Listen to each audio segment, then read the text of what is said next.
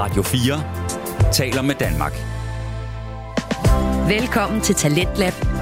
Din vært er Kasper Svendt. Og øh, på sådan en øh, helt speciel aften, jamen, øh, så er det jo næsten oplagt at kigge tilbage på året, der er gået. Og det er også det, vi skal her i aften i programmet på Radio 4, der præsenterer og udvikler Danske Fritidspodcast.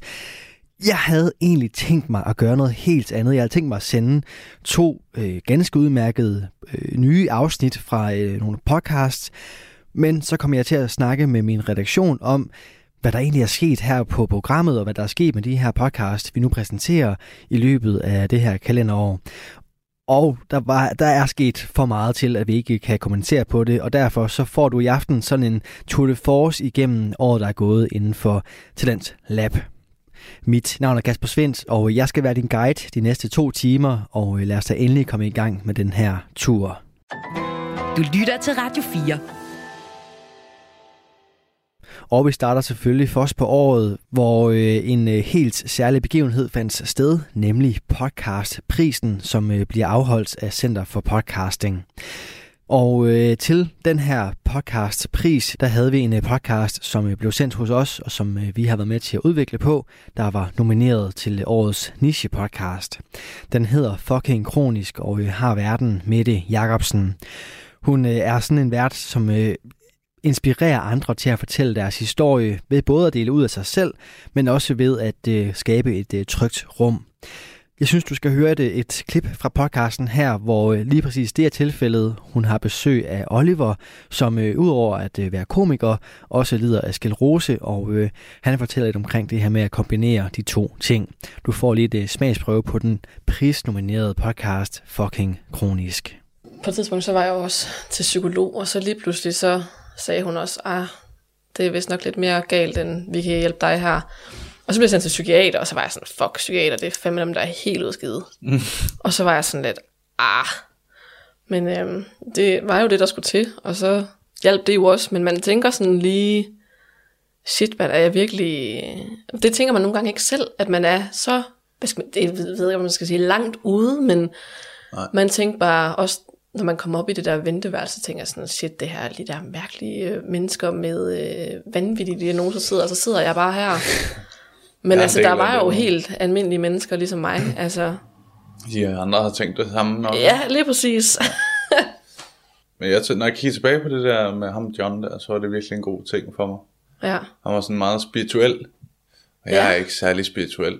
Øh, men men det var virkelig sjovt. John han var sådan en type, der havde levet, øh, han var 60 år, 62 tror jeg, ikke? Han levede hele sit liv som rocker. Han havde været rocker indtil han var sådan 35 år. Han havde været stofmisbruger og været alkoholiker også, da han var kriminel. Ja. Og så på et tidspunkt har han ville ændre sit liv. Og det havde så taget ham rigtig mange år. Først at komme på afvending og blive alkoholfri og stoffri. Og jeg husker han fortalte sådan det der med at skulle resocialisere sig selv han havde en ret vild historie, så på den måde havde jeg meget, ret meget respekt for, hvad han sagde. Ja. Men det der spiritualitet var alligevel sådan nogle gange lidt, lidt meget for mig. Jeg kan huske, vi var ude og gå en tur, hvor han gik forbi nogle lejligheder, så pegede han op og sagde, den der lejlighed, den ville min ekskæreste, ekskæreste gerne have, Oliver. Og så sagde jeg til hende, prøv at visualisere, at du bor der. Forestil dig, at du bor derinde. Og gæt hvad, Oliver? 15 år senere, så boede hun i den lejlighed. Og så sagde jeg sådan, hvad, John, så hun skrevet sig op, eller hvad? Ja, ja, ellers får man jo ikke lejligheden. og så, så okay. Men, og han var sådan, det var ret sjovt, fordi han kunne ikke selv se sådan, det, det er sjovt i det. Nej. Men han var, han var virkelig sjov. Han, han hjalp mig til at starte på pædagoguddannelsen, og få ja. sådan lidt uh, gang i livet igen. Ja. Så startede jeg på pædagoguddannelsen. Øhm, han havde nemlig også en pædagoguddannelse. Ja. Det var sådan, han var blevet mentor. Ja. Så jeg havde en, egentlig en drøm lidt om at, at blive lidt, tage den vej, han også havde taget. Ja, lidt som ham. Ja. Ja, du havde jo også, som du sagde, også haft en fortid med at feste ja. lidt for meget, og drikke lidt for meget, og tage ja. lidt for mange stoffer. Ikke i samme grad. Nej, øh, han lyder som om, han var en ret vild type. Ja. Jeg tror, mit, mit var mere sådan noget selvdestruktivt. Ja. Du er ked af det, og det ja. gider du ikke være. Ja. Jeg vil gerne væk fra den følelse ja. ting, ikke? Øh, hvor han så, han nåede blive 35, og han tænkte, måske ja. skulle jeg vende om. Ja. Men øh, men så det ville jeg, og så begyndte jeg, efter jeg startede på pædagoguddannelsen, ret hurtigt at lave stand-up. Ja, for jeg skulle lige spørge, hvor kommer det ind i billedet henne? Ja, men det er sådan en, en drøm, jeg, jeg, tror, jeg ved ikke, om det altid var en drøm, men det har, jeg har i hvert fald altid syntes, stand-up var rigtig spændende. Ja. Og så sagde min storebror på et tidspunkt til mig, da jeg, jeg tror, jeg synes, det var svært at få nye venner, nu hvor du var, havde sklerose. Jeg var på, Ja. enormt bange for, at det skulle blive mit, ham med sklerose. Ja. Kunne folk se det på dig? Lige da jeg startede, tror jeg, folk godt kunne, fordi at jeg havde, der havde lige haft sådan en attack, så jeg havde sådan lidt med min balance, var lidt ja. værre, end den plejede at være. Ja. Så jeg kunne godt øh, snuble øh, på vej op eller ned ad en trappe eller sådan noget. Ja. Øh, som folk godt kan gøre, men hvis du gør det sådan en gang om dagen, så tænker folk lidt underligt. Ja, ja. Men så, så nævnte min storebror for mig, måske du skulle prøve at give det der stand-up et skud, det er det du har altid ville. Og så jeg havde nærmest glemt det, at jeg ville det. Ja. Så meldte jeg mig på sådan en open mic, øh, sådan noget, hvor man kan optræde, alle kan optræde. Ja. Og så gik det ret godt, kan jeg huske. Jeg havde forberedt mig i fire måneder på det, på det at optræde i fem minutter. Øj, vildt. Ja, jeg, Jeg tænker også det der med, sådan, det har jeg altid tænkt på, når man ser det, det der med at stille sig op helt uden noget. Altså, der har jo ikke Ja. nogen rekvisitter, man har kun sig selv.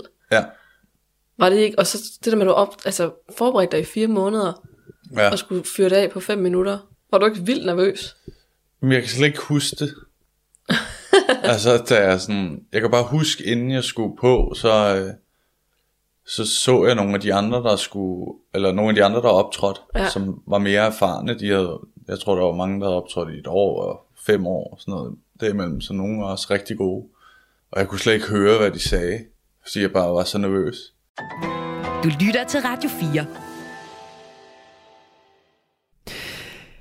Og her var det altså et øh, klip fra podcasten Fucking Kronisk med verden Mette Jacobsen. Og således så startede jeg altså vores øh, Tour de Force igennem året, der er gået her på programmet Talent Lab.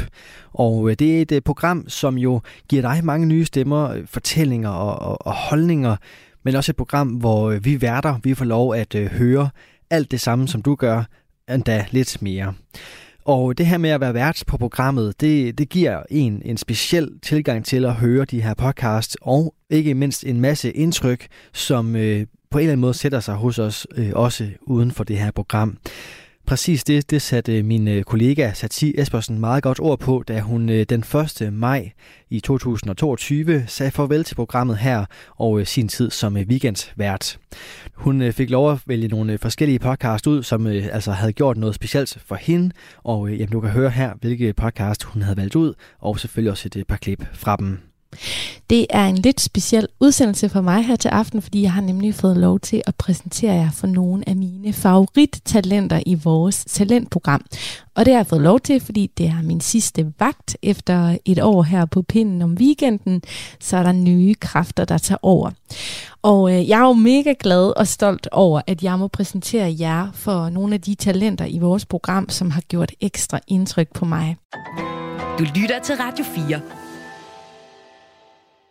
Nu skal vi lytte til Gå med det podcast. En podcast, der er opfundet og ofte også produceret i Aalborg af de to nordjyder, Fancy Axelsen og Katrine Kanne. De har valgt at gå sammen om at lave en rigtig fed podcast, som handler om at gå med det, både i overført betydning, men også når de optager, fordi de går nemlig altid en tur sammen med deres gæst.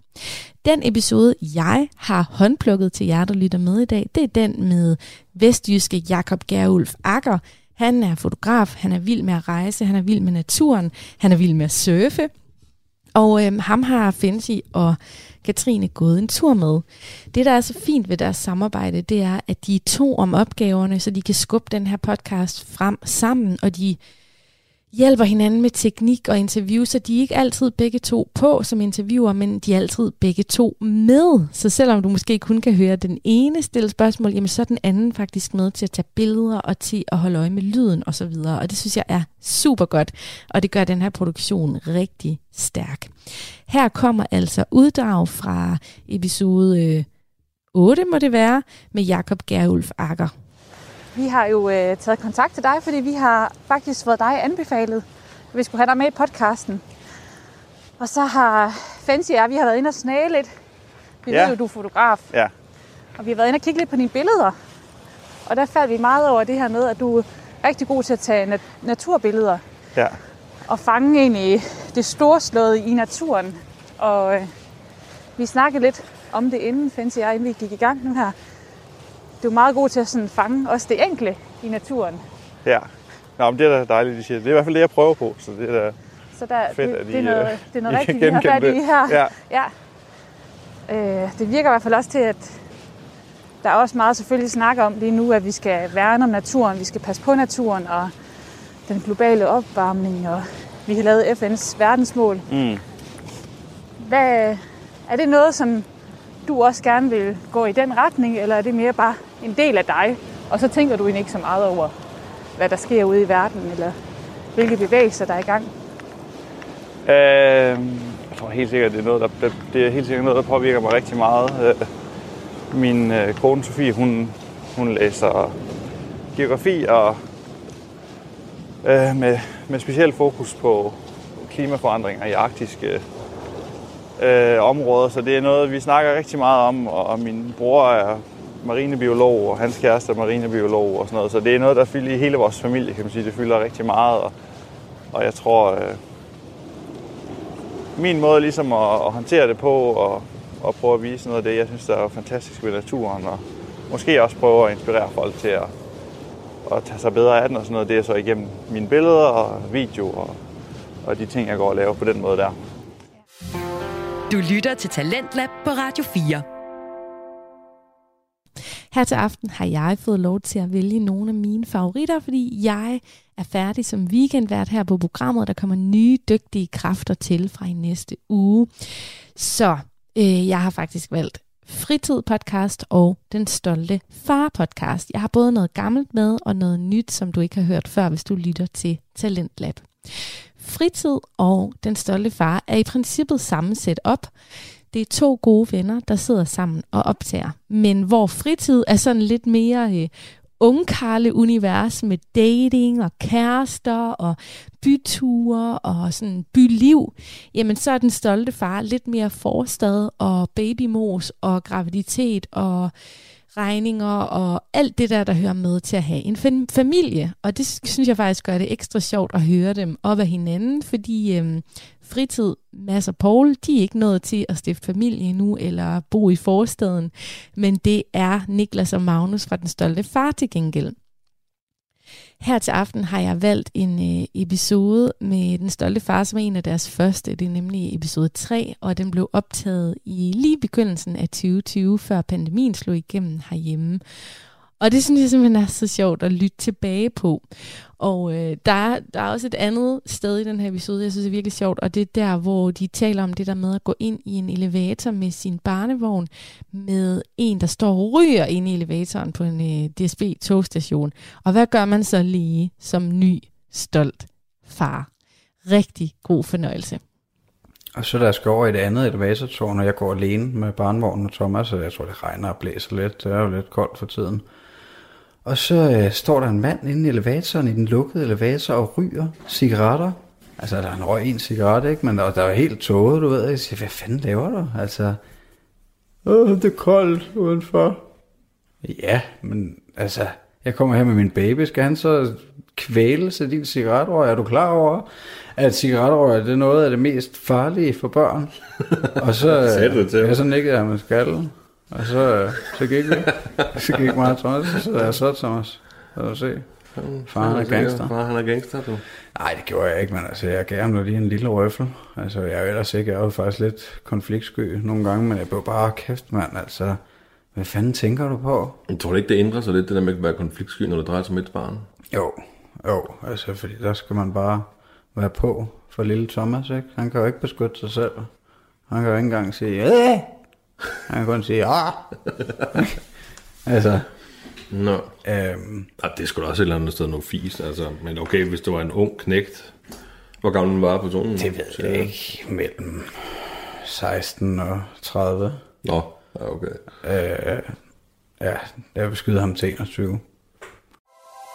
Radio 4 taler med Danmark. Den sidste podcast, vi skal lytte til her til aften, det er Fritid Podcast. Også en sjællandsk podcast, nærmere betegnet København. Det er Mads og Paul, der står bag, og øhm, de har ikke børn, og de er i hvert fald heller ikke Villa Vose og hus, men øh, de har en fed livsstil, og de er mega gode til at debattere, og ikke mindst meget konsekvente med at udkomme, og det er jo noget af det, som er en stor fordel, hvis man gerne vil vokse en podcast, det er jo, at man udkommer uge efter uge efter uge, og det gør Mads og Paul, og det er altid sjovt med det, de tager op. Det her det er min favoritepisode om køkultur og borddamer. Har man pligt til at øhm, gå frem i køen, så snart den foran en er gået frem? Øh, eller kan, har man lov til at lave de her huller i køen? Fordi at hånden på hjertet, det at der kommer et hul her i køen, eller hvis man går frem med det samme, det ændrer basically ikke. Medmindre du er den, der står allerforrest, så i køen er det sådan set ligegyldigt. Øh, det er klart, at det, at det er sjovt, for jeg skulle til at sige, den første tanke, der slog mig, det var, at jeg, har, jeg tror, det er en meget øh, skandinavisk ting, det der med, at der må være, du ved, nul, ingen huller i osten, eller hvad det var, man kaldte det i børnehaven, du ved, når, vi, når man skulle gå på ræd og række. det det? Ja, ja, der, Okay. okay. der er huller i osten, var der så en, der råbte, fordi der var nogen, der slækkede og var ved at Ah. sagt det bagud. Øhm, så du ved, så, altså, det, og det kan jeg ikke huske, det tror jeg også, vi har snakket om tidligere, at hvis, hvis jeg står i Netto, i præ-corona i hvert fald, ikke? corona Ja. har ændret en lille bitte smule på det her regnestykke, men præ-corona i hvert fald, du står i Netto, øh, den foran dig, øh, der kommer en ny, øh, den næste er ved kassen skal til at betale, øh, så vedkommende går frem. Og så er der den foran dig, som så går lidt tættere på kassen, og hvis du venter i for lang tid, du kan mærke sådan et usynligt pres bagfra, Ja. fordi folk bagved dig træder der helt op i hælene, og står og venter på, at du rykker dig de der 25 cm. Ikke? Ja. Og præcis som du siger, det ændrer intet på regnestykket i, hvor hurtigt du kommer op og betaler ved kassen. Det, at jeg flytter mig de her, den her halve meter, eller hvor meget nu er det drejer sig om, ikke? Fordi, altså, jeg kan ikke overhale indenom, eller teknisk set, jeg kunne godt, men det er, jeg vil, jeg vil blive... Illeset. Det, det er illeset Ja. at overhale indenom ved kassen i Netto, ikke? Så det ændrer ligesom ikke noget på regnestykket. Øhm, jeg ved ikke, om det betyder, at svaret er i virkeligheden, nej, du er ikke rigtig forpligtet, men jeg, jeg, den måde, jeg opfører mig på, vil ikke indikere, at mit, mit ærlige svar er nej.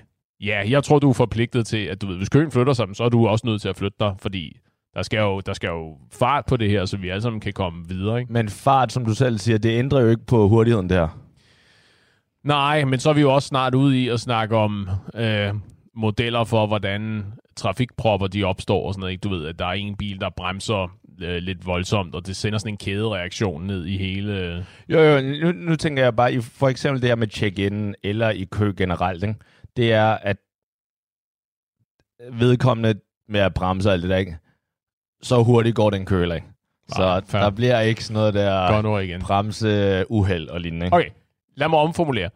Det lyder som om, at øh, du har et mere konkret svar, end jeg har på Nej, det her. nej, jeg prøver bare lige at finde ud af, hvor du er henne, så jeg kan tage det modsatte. Ja, okay, fair nok. Godt ord igen. Radio 4 taler med Danmark. Ja, her rykker vi altså lidt længere ind i foråret i 2022 i vores tur igennem året, der er gået her på Talent Lab. Du fik øh, her hørt min øh, kollega Sati Espersen sige farvel til programmet her som øh, weekendsvært, og det gjorde hun blandt andet ved at pege tre fritidspodcast ud og give dig nogle klip fra dem. På den måde så er vi altså kommet frem i året, der er gået her på Talents Lab, programmet på Radio 4, der præsenterer og udvikler danske fritidspodcast. Mit navn er Kasper Svens, og jeg har været med hele året heldigvis, og det har blandt andet budt på en masse nye indtryk, men også en fornyelse af gamle aftaler, blandt andet den vi har med Danmarks Medie- og Journalisthøjskoles studenterradio Genlyd. For hos Radio Genlyd, der producerer journaliststuderende en masse god radio, som vi altså også prøver at hjælpe frem. Jeg har taget tre eksempler med til dig, og vi skal starte med Jagten på det gode liv, som er den podcast, der senest har sendt her hos os. Den består af Signe Harti, Camille Akkerlej, Nicoline Vinter og Amalie Dines. Pallesen. De fire unge kvinder de øh, har i løbet af deres øh, programserie undersøgt, hvad det gode liv egentlig består af, og øh, de har udfordret sig selv i mange forskellige discipliner. Det du skal høre nu, det er fra deres tattoo special, og ja, Camille hun får en tatovering live i radioen, selvfølgelig med en, en tråd til det her radioprogram. Så lad os prøve at høre, hvordan det lyder, når Camille Akkerlej, hun får en, hun får en tatovering live i radioen. Men jeg tror måske også, det er lidt ligesom det med, at, at jeg jo elsker min mor og respekterer hendes mening, men jeg er jo mega ligeglad med, at hun synes, det er ærgerligt, at jeg har tatoveringer. Så, så hvis, hvis der var nogen, der sagde til mig, at de ikke brød mig om, om mine tatoveringer, så ville jeg ægte ikke blive ked af det over det. Fordi jeg synes, de er seje, og så må det jo være mig, der er, der er delusional, men jeg synes jo virkelig selv, at det er mig, der har fat i den lange ende, og det forestiller mig også, at Stine, hun synes, at hun har, altså med sine 50 øh, tatoveringer, ikke?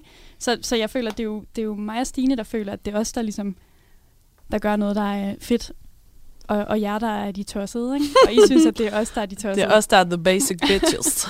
Nej, jeg synes, jeg har vildt meget respekt for det. Jeg synes, det er vildt sejt, og jeg kan, også, jeg kan godt lide tatoveringer.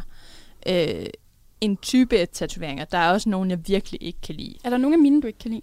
Øh, nej, det tror jeg ikke. Endnu. Endnu. der er en halv, jeg ikke kan lide. altså, jeg synes Hvad ville eksempel- svaret være lige nu, hvis man havde sat en løgndetektor på dig? Altså, I må godt være ærlige, det mener jeg virkelig. Omkring hvad? Om I kan lide mine tatoveringer. Jeg kan vildt godt lide frøen. Skal vi sige, hvad du har måske? Det ved lytterne jo egentlig Ja, ikke. det kan vi godt. Jeg har øh, min første tatovering, som er en lille øh, sol i et vindue. Øh, meget fin, feminin, øh, yndig tatovering. Og så har jeg endnu en fin, fin, øh, yndig tatovering, som er en sommerfugl. Øh, og så har jeg øh, den største tatovering, jeg har, som er en vifte, øh, som lidt deler vandene. Nogle synes, det er den fedeste, og nogle synes, det er den, der sådan er lidt kikset. Var det den Mikkel Langerhus sagde? Det var den, Mikkel Langerhus ikke kan lide. Okay. Så har jeg en stick and poke øh, frø, og så har jeg en blomsterbuket, som er sådan en, også en fin for min afdøde mormor. Og lige om lidt har jeg en radio. Ja, det er det, der er på min krop. Alt sammen på min venstre arm. Ja. Jeg, jeg kan ikke højre og venstre. så- Nej, det er derfor, du lige kiggede lidt panisk ud på mig. Ja. Er det rigtigt, det jeg siger? Ja. Men Skal vi, øh, skal vi fortælle, hvad for en vi bedst kan lide? Ja. Signe. Øhm, ja, jeg ved godt, hvad for en jeg bedst kan lide. Øh, og det er øhm, den, din første tatovering, altså den med, med solen. For jeg synes, den er, den er flot, fordi at den på en eller anden måde har... Ej, nu kommer jeg til at lyde som en, der sådan, øh, kunstkender. Ikke flere dimensioner. Mm. Det er ikke Mm. det, jeg mener. I ved, der er noget dybde i den, fordi det ligesom er et vindue, og så er der en sol på den anden side. Hvad siger du, Nicoline? Jeg tror bedst, jeg kan lide frøen. Mm. Jeg synes virkelig, den er flot tegnet. Og så er den sådan lidt sjov. Ja. Øhm, altså, ej, nu, det lyder lidt hårdt, men jeg kan faktisk mindst lide den, du godt kan lide, Signe. Er det rigtigt? Mm. Ej, det er meget sjovt. Og det er fordi, øh, jeg ved ikke, hvorfor med mit hoved kan jeg ikke helt forstå det der med, at du har en firkant på en sådan rund Mm, arm. Ja, Det var ikke, der er et eller andet også med dimensionen. at det får jeg, jo, lille. får jeg jo en til af lige om lidt. Ja. med min radio her. Ja, men den der har nogle meget skarpe kanter. Det ja. ved jeg ikke, om radioen får. Det kan godt være. Ja. Men øh, ja, jeg ved ikke... Øh, det, det siger, der er et eller andet i mig, der bare sådan siger, at det er forkert. Ja, ja okay. Hvad Men kan altså, du mindst er lide. Signe? Øhm, der er... Det- Det her, det minder mig lidt om, når man laver sådan noget øhm, fuck, Mary kill med folk, man kender. Det Ja. er sygt behageligt. Ja, øh, jeg, jeg, jeg, jeg joiner Langerhus. ja, den store. ja. Ja. Men det er fordi, at den ikke, det, jeg forstår ikke viften. Nej, Altså, hvad er baggrunden for den? øh, det, det er sådan en flash. Altså, så det er øh, hende, der har tatoveret tre af mine tatoveringer. Hun øh, har tegnet den i sådan sin egen fritid, eller hvad man siger, og så lagt den op og sagt, er der nogen, der vil have den her? Og så har jeg sagt, det vil jeg gerne. Så den har absolut intet betydning for mig. Men se igen, kun fordi, jeg synes, den så var flot. har du siddet, ligget hjemme på din sofa, og så har du set det der på Instagram, så har du tænkt, den skal jeg have på min arm. Lige præcis. Jeg kan... Jeg vil gerne forstå det. Jeg kan ikke forstå Jeg det. er helt på dit hold, Jeg synes, det er så sjovt, at det er så sådan... Altså, jeg kan godt forstå jer. Men Altså, jeg synes, vores det er så sjovt, øjenbryn, de sidder helt op i panden, mig og Nicoline begge to. Ja. Mm. ja. Jamen, det er rigtigt. Men, Signe, er du imod tatoveringer? Altså sådan som koncept. Nej, imod på din egen krop. Øh, ja, jeg tror ikke, at jeg kommer til at få nogle tatoveringer. Du lytter til Talentlab på Radio 4. Her var det jagten på det gode liv med Sine Harti, Camille Akkerlej, Nicoline Vinter og Amalie Dinesen, som øh, du fik et øh, klip fra her i vores Tour de Force igennem året, der er gået på programmet Talents Lab. Mit navn er Kasper Svens, og øh, her var det det første eksempel på den øh, gode øh, aftale, vi har med Studenterradioen Genlyd, som øh, hører til ved Danmarks Medie- og Journalisthøjskole. Og derfra der har jeg to yderligere eksempler. Vi skal nu til øh, midtvejskrisen, som øh, består af Laura Haldrup, Frederik Berg, Kirstine Vinter og Johanne Mørup Fischer. Hver uge der tog de fat i forskellige kriser og prøvede at både gætte, hvad det var, deres øh, medvært havde bragt med sig, men selvfølgelig også prøvede at løse, hvad det så end kunne være. Og i aften der skal vi have fat i Frederik, som har en helt speciel forbi, men også en helt særlig måde at gribe den an på. Prøv bare at høre med her. Altså, der er jo lidt sådan et gennemgående tema for din krise, Frederik. Det er jo, at der er øh, en nål. Sådan, ja. Den er med hver gang. Ja. Vaccine, der kræver ligesom nål. Og tatovering, det er også, øh, det er også nål. Ja. Øh, og da vi snakkede om det tidligere, hvor jeg var sådan, begyndt at snakke om nåle, hvor du begyndte at sidde lidt uroligt ude i studiet. Er det, altså, er det bare sådan, er det, er det nåle, nålekrisen? Ja, hvad siger Johanne? Jo, hvad tror du, at jeg har haft krise over? Mm, jeg tror måske, det er det der med at skulle være sej sådan, i en situation, der er presset på en eller anden måde. Så sådan en... Mm, jeg ved ikke engang, hvad jeg skal kalde den. Altså, du, der, jeg kan se et eller andet med, at der sådan er en gennemgående ting med, at du sådan... Så bliver du lidt ældre og lidt sejere, og sådan, du kan godt komme igennem det måske sådan... Stolthedskrisen. Ja. Noget med at skulle være sej, selvom man ikke er det. Jeg ved det faktisk ikke. Jeg synes, den er lidt svær at sætte et, et, øh, et specifikt label på. Mm. Jeg tror, jeg vil sige... Hold ud krisen. Hold ud krisen. Og Christine, jeg du siger går med, nålekrisen. med nålekrisen. Ja. Jamen, jeg har kaldt den nålefobi-krisen, Ah. fordi jeg har simpelthen en... Du er så bange for din nål. Jamen, altså, det, det er helt ustyrligt. Jeg kan ikke se en film, hvor der er nogen, som gør noget med nål, uden at få det dårligt. Øhm, hvis jeg skal vaccineres, for det var slemt under corona, fordi der har vi jo selvfølgelig skulle have haft tre vaccinationer. Øhm, natten inden jeg skal vaccineres, jeg kan ikke sove, jeg ligger bare og tænker på, at jeg skal vaccineres. Jeg, jeg kan ikke spise noget, og jeg kan ikke drikke noget om morgenen, øhm, og jeg skal spise og drikke, fordi ellers så får jeg det dårligt. helt vildt dårligt. Også da jeg var ude, næsten hver gang jeg var ude og få coronavaccination, så fik jeg sådan en dum juicebrik bagefter, mens jeg sad i det der ventelokale. Mm. Og det ser jo så ømt ud at sidde der, Nå, du... altså som den eneste med sådan en lille juicebrik. Og jamen, ja, man ligner jo et lille barn, men, men det er hver gang, og, og det er jo bare en, noget, man ikke rigtig kan gøre for, når det er en forbi. Jamen også fordi det er, det er bare din krop, der reagerer sådan, så Mm. det er ikke noget, du kan bestemme dig for ikke at være. Nej. Jeg synes, det er vanvittigt, at du kan få de tatoveringer der så. Ja. Faktisk, når du er så bange for det. Tatoveringer har, har, det var lidt ligesom det samme, som du sagde i forhold til øh, at blive bloddonor. Det har været lidt en måde at sige sådan, fuck det her, nu Mm, vil jeg, nu ja. vil jeg af med det. Øhm, Det kan jeg godt se.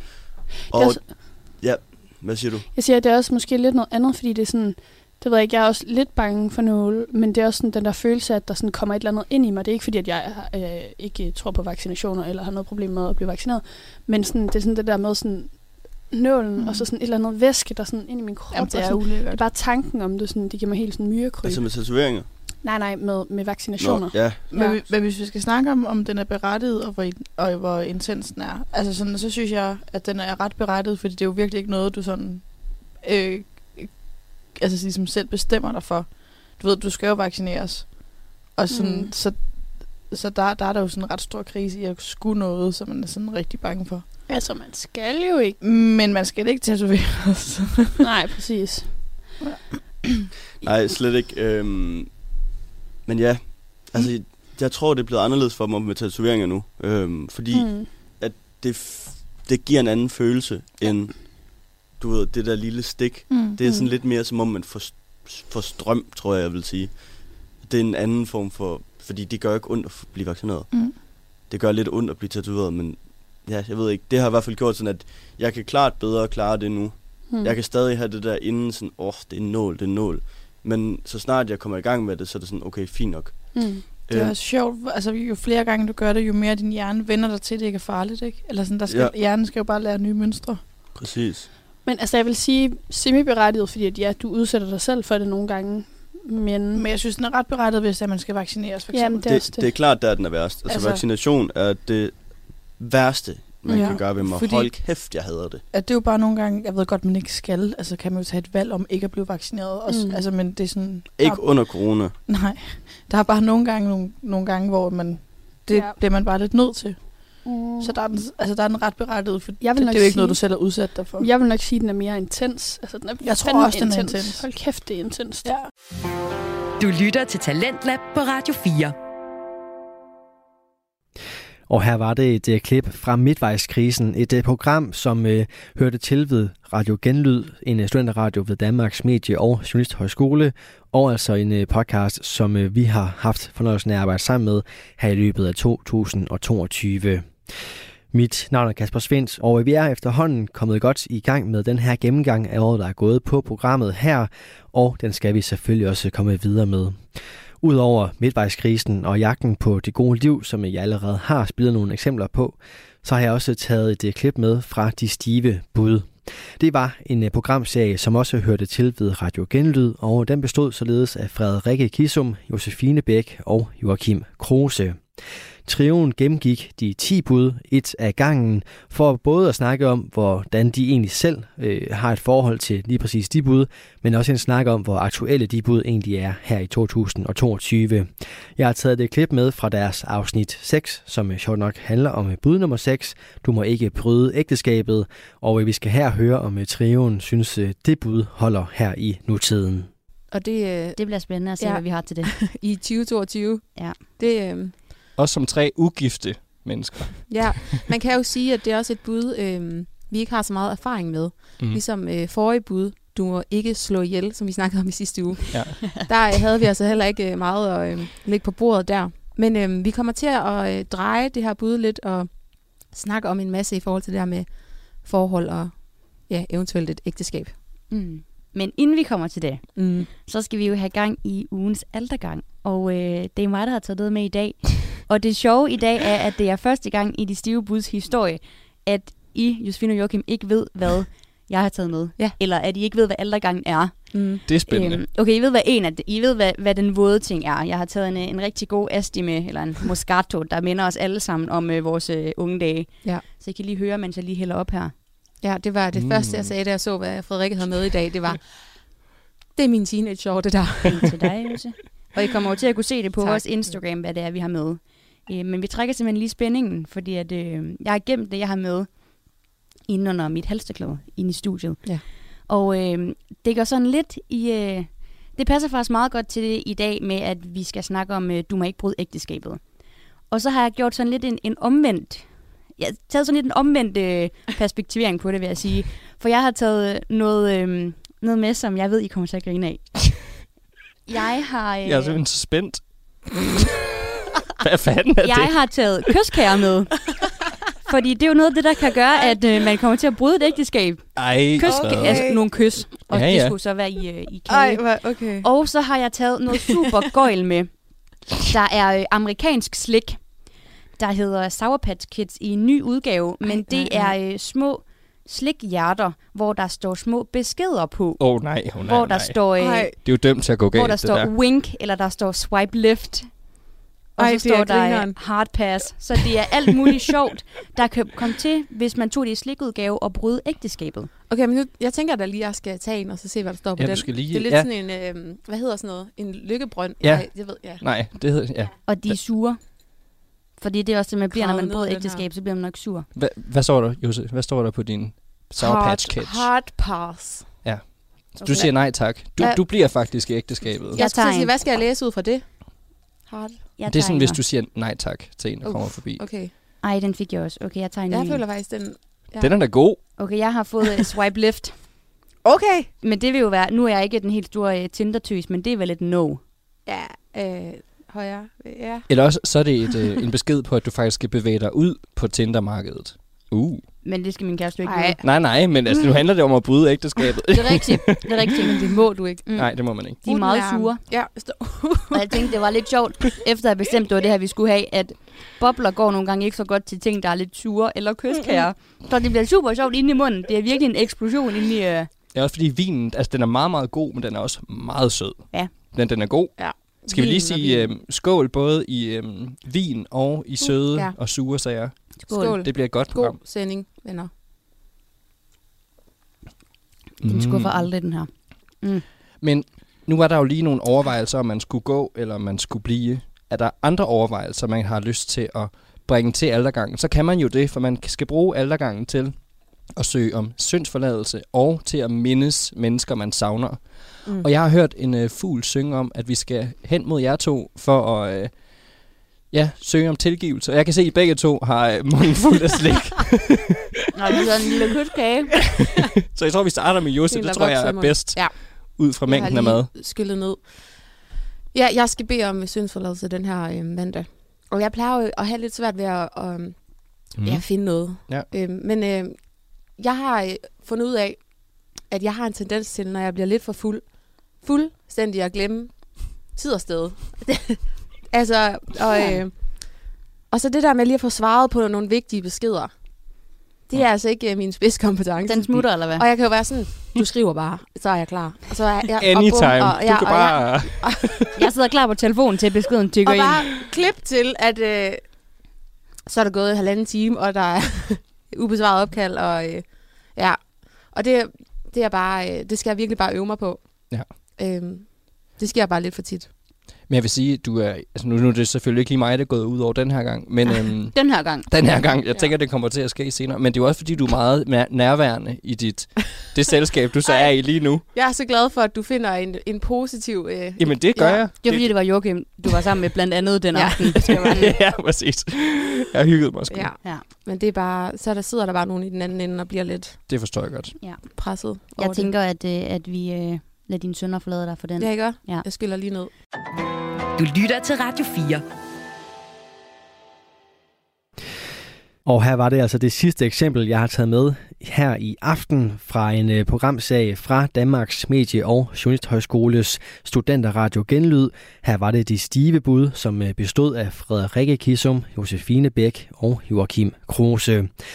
Og med det så fik du altså lige et par eksempler på den fremragende aftale, vi har med Studenterradioen Genlyd, hvor vi øh, sammen med øh, Genlyd får lov at udvikle på nogle af deres øh, produktioner. Det sidste, jeg har med til dig her i time 1, det er et eksempel på øh, den aftale, vi så har med nogle af de danske højskoler, hvor øh, elever, både inden for journalistik, men også inden for decideret podcasting, de får lov at øh, prøve deres kræfter af her i programmet, som jo præsenterer og udvikler danske fritidspodcast, også når det bare handler om et øh, enkelt afsnit. Og øh, de her forskellige produktioner fra højskolerne, de går i mange forskellige retninger, og derfor så har jeg også valgt at tage et, øh, et helt øh, afsnit med til dig, fordi jeg synes, du skal opleve, hvordan øh, det blandt andet kan lyde, når sådan en hel episode kommer fra en fuldstændig uprøvet elev, der for første gang kaster sig ud i det her med at øh, podcaste. I aften der skal du høre en øh, episode øh, fra podcasten Skøre Verdensrekorder, som er lavet af Alexander fra Ronde Højskole, og øh, han dykker i det her afsnit ned i historien omkring Randy Gardner, manden som er gået længst tid uden søvn. Prøv lige at høre den her vilde historie, og læg især mærke til lydproduktionen, som jeg synes er fænomenal. Tidligt om morgenen, hvor vinden er tung og uret indenfor tigger ekstra højlydt, går Randy Gardner ud i sin have. Her vil han stå og kigge ud over nabolaget og lytte efter bilerne fra den nærliggende motorvej. Her står han under måneskinnet og skriger sine lunger ud i frustration. Dag efter dag, i overvis. Mange kender til årsagen bag denne frustration, nemlig søvnbesvær. En skæbne, som er blevet pålagt Randy mange år efter, at han bevidst undgik søvn i 11 dage. Velkommen til Skøre Verdensrekorder. Mit navn af Alexander. Historien begynder i 1963, hvor Randy flyttede til San Diego som 17-årig. Han havde flyttet meget rundt som barn, men dette var det sidste. Randy er den ældste af fire søskende i en såkaldt militærfamilie. Hans far rejste meget rundt, så de skulle med. I hver by, de boede i, gik Randy ned til den lokale science fair. Det var en af Randys store interesser. Han var lidt af en videnskabsentusiast. Han fik for det meste førstepladsen i disse videnskabsmesser. Men San Diego var en stor by for en ung teenager. Så derfor vidste han, at der skulle meget til for at vinde denne gang. Hvis man vil forstå, hvordan han kom op med sin idé, måtte man forstå tiden, de levede i dengang. Rock and roll ændrede radioen i denne tid. Det var ikke kun kunstnerne, som fik opmærksomheden for musikken, men også radioværterne. En af disse var Peter Tripp, en DJ fra New York City, som var vært for Your Hits of the Week på noget, der hed WMGM.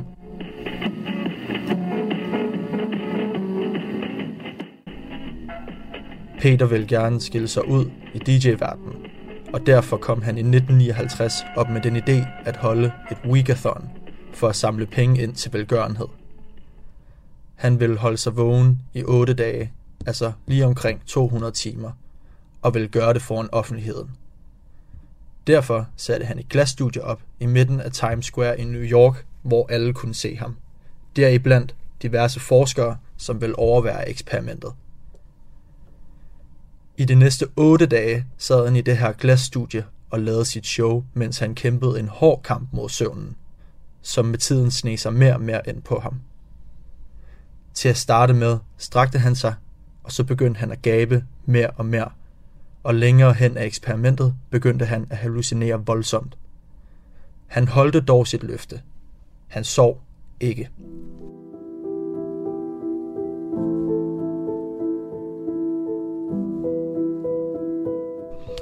Han inviterede flere DJ's til at prøve samme eksperiment. Et par måneder senere prøvede en DJ i Honolulu, Hawaii, noget af det samme. Bortset fra, at det ikke var 8 dage, men derimod 10 dage. Hans navn var Tom Rounds. Bevidst søvnmangel var nu blevet til en form for Ice Bucket Challenge for DJ's tilbage i 60'erne. 17-årige Randy Gardner som gerne vil efterlade sit præg på en videnskabsmesse i en ny by, var ikke særlig imponeret over disse milepæle. 8 og 10 dage uden søvn var barnemad, tænkte han. Tankegangen, han og mange andre havde dengang, var, at man ikke havde brug for søvn. Han besluttede sig for at deltage i denne søvnmangelsaktivitet. Han ville nemlig holde sig vågen i 11 dage, og dermed trumfe over de to DJ's, og også forhåbentlig vinde denne videnskabsmesse, som jo var formålet med det hele. Før eksperimentet tænkte Randy ikke over de negative konsekvenser. Han tænkte mere, at der ikke var så meget til det, og at det slet ikke var så stor en ting. Han skulle jo bare komme op med et forsøg, som ville vinde ham denne konkurrence. Efterfølgende kunne han jo bare indhente sin søvn, og så foregik dagene som normalt igen. Selv som teenager vidste Randy, at han var mere stedig end andre, når det kom til at fuldføre ting. Han fik fat i to af hans venner, som skulle overvåge ham og hjælpe ham med at holde sig vågen i tidsperioden. Bruce McAllister og Joe Marciano var navnet på disse to venner. Det skulle foregå sådan, at det skiftevis skulle være vågne for at holde øje med ham. De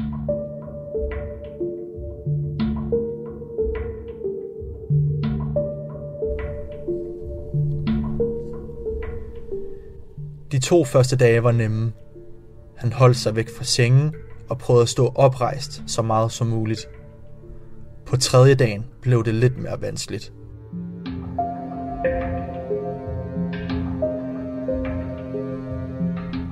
Om morgenen opdagede Randy, at han havde en forfærdelig kvalme. Denne kvalme gik ikke væk og fortsatte resten af eksperimentet. For at modvirke dette, fandt Randy ud af, at det hjalp at spise citron og appelsiner. Som tiden gik, fik han opmærksomhed fra tv-reportere. Det var en god ting. Det hjalp Randy med at holde sig vågen under eksperimentet. Det hjalp, at der var kameraer på ham, og at der var nogen, som stillede ham en hel masse spørgsmål. Det hjalp altså en 17-årig dreng, hvis selvtillid var helt i tops, at der var en masse opmærksomhed rettet mod ham. I løbet af dag 4 og 5 opdagede Randy pludselig, at han ikke var lige så god til at formulere sætninger. Han ville glemme, hvad han var i gang med at sige, glemme visse ord og var generelt meget svær at føre en samtale med. Hans mentale tilstand var i slem forværing, og det blev kun værre, eftersom eksperimentet skred fremad. Randy beskrev selv situationen som, at det føltes som en tidlig demens-ting, forårsaget af søvnmangel. Et par dage inde i eksperimentet dukkede en søvnforsker fra Stanford University op. Han hed William Dement, no pun intended. William kom for at hjælpe Randy med eksperimentet. Han ville tage ham med ud på ture og spille en masse spil med ham. For Randy var dette et frisk pusk. Det gav ham ekstra gejst til at fuldføre eksperimentet. Det var dog ikke det eneste formål, William havde med sit besøg. Under disse aktiviteter vil han observere, om Randy kunne følge med, både fysisk og psykisk. De spillede meget pinball, og faktisk så vandt Randy alle gange. Fysisk havde han ingen problemer. Han kunne følge med William i alle de fysiske aktiviteter, de lavede. Men det var den mentale del, som virkelig var et åbenlyst mangel. Jo længere han holdt sig vågen, jo mere irritabel blev han.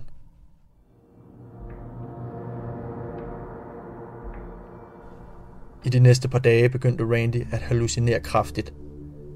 Han ville pludselig se en sti igennem en skov i midten af hans stue.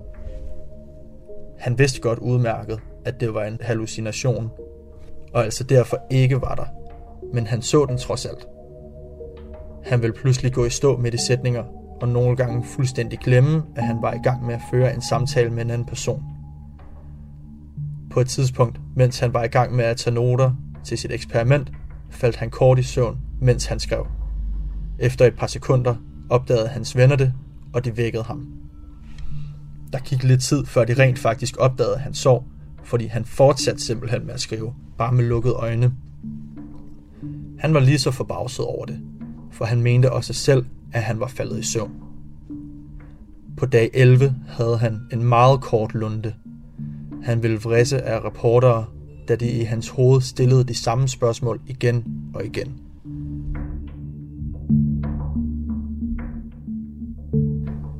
Den 8. januar 1964 havde Randy slået verdensrekorden for længst tid uden søvn. Han havde holdt sig vågen i 11 dage. Der var kun én måde at fejre det på. Han blev sendt til hospitalet, hvor læger kunne holde øje med ham, og han faldt derefter i søvn. Her sov han lidt over 14 timer, men han vågnede kun, fordi han skulle på toilettet. Da han vågnede, var han lidt groggy, men ikke mere groggy, end man normalt vil være, efter man vågnede efter en nats søvn. De efterfølgende dage var der spekulationer, om han ville mærke nogle konsekvenser for forsøget, men der var intet. Han gik tilbage til sin normale tilstand, som han var før forsøget, og han begyndte at få en normal døgnrutine igen.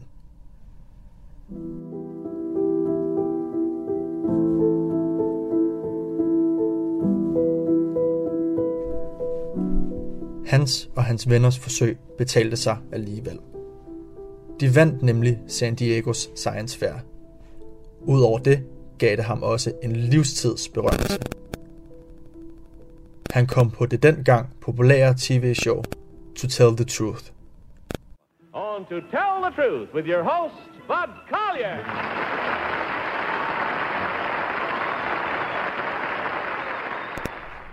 Showet går ud på, at der samles fire kendte til et panel, som skal stå over for tre mennesker, som alle hævder at være den samme person. One of these young men holds an unusual world record. What is your name, please? My name is Randy Gardner. My name is Randy Gardner. My name is Randy Gardner. Only one of these young men is the real Randy Gardner. The other two are imposters, and will try to fool this panel. De skal her gætte, hvem der rent faktisk er den rigtige person. I det her tilfælde var det hvem, der var den rigtige Randy Gardner. På showet stod Randy som nummer to. Han havde mørke, store briller. Hans hår lå til venstre, og han havde en blød tone i sin stemme, og han svarede meget direkte til spørgsmålene, han blev stillet. Størstedelen af panelet fandt ud af, at han var den rigtige Randy. Kitty Carlisle. I voted for number two because he looks the sleepiest. I løbet af de næste årtier prøvede Randy lidt af hvert. Han afprøvede sig som fotograf, og senere hen som aktiehandler, som han lavede ind til sin pension. Uanset hvad han begyndte på, fulgte hans eksperiment som teenager ham overalt, både positivt og negativt. Mange mennesker har prøvet eksperimentet efter Randy selv.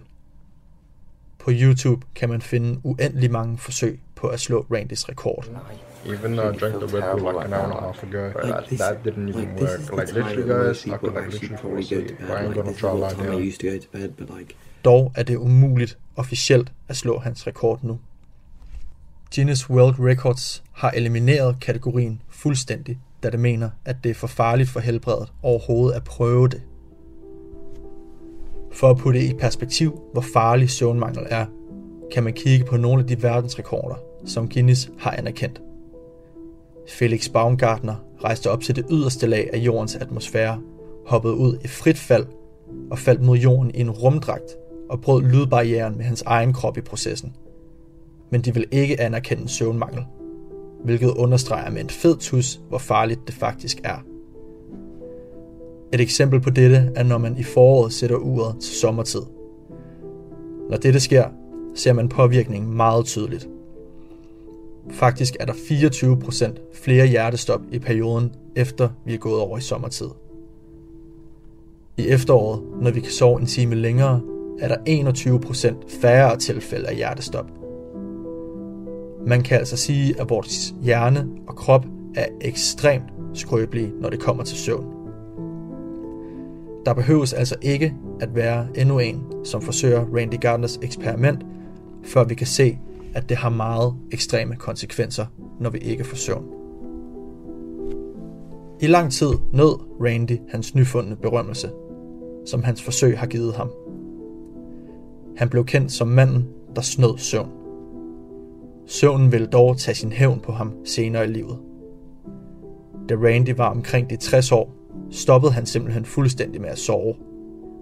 Han var begyndt at lide af søvnbesvær.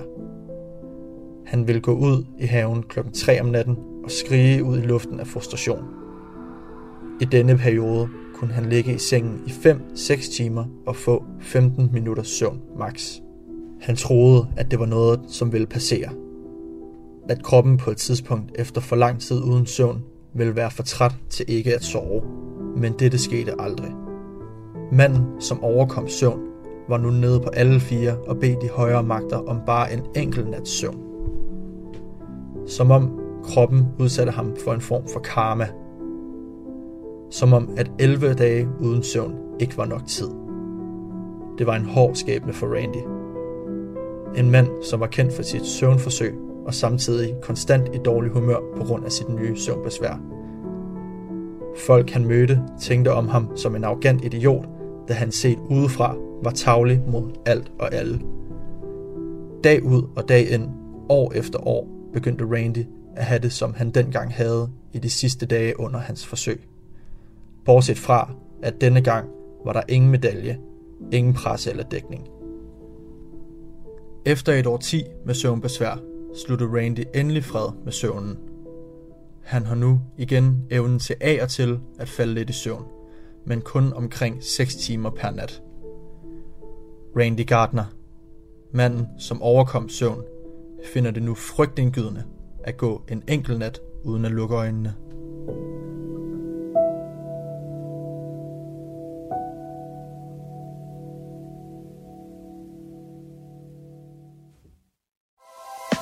Radio 4 taler med Danmark. Her var det altså en øh, hel episode fra Alexander, der gik øh, på Rønde Højskole her i efteråret, og øh, han fortalte om Randy Gardner, der er manden, der er gået længst tid uden søvn. Det gjorde han her i et afsnit, som var et eksempel på de her mange forskellige produktioner, vi har samarbejdet med Rønde Højskole om, og for den sags skyld også andre højskoler om, Øhm, og det er bare noget af det, du kan møde på programmet her. Og øh, nu er vi altså nået frem til øh, nyhederne her på Radio 4, men i time 2, så tager jeg dig med videre ind i den her Tour de Force af året, der er gået, på programmet her på Radio 4, som øh, præsenterer og udvikler Danske Fritidspodcast.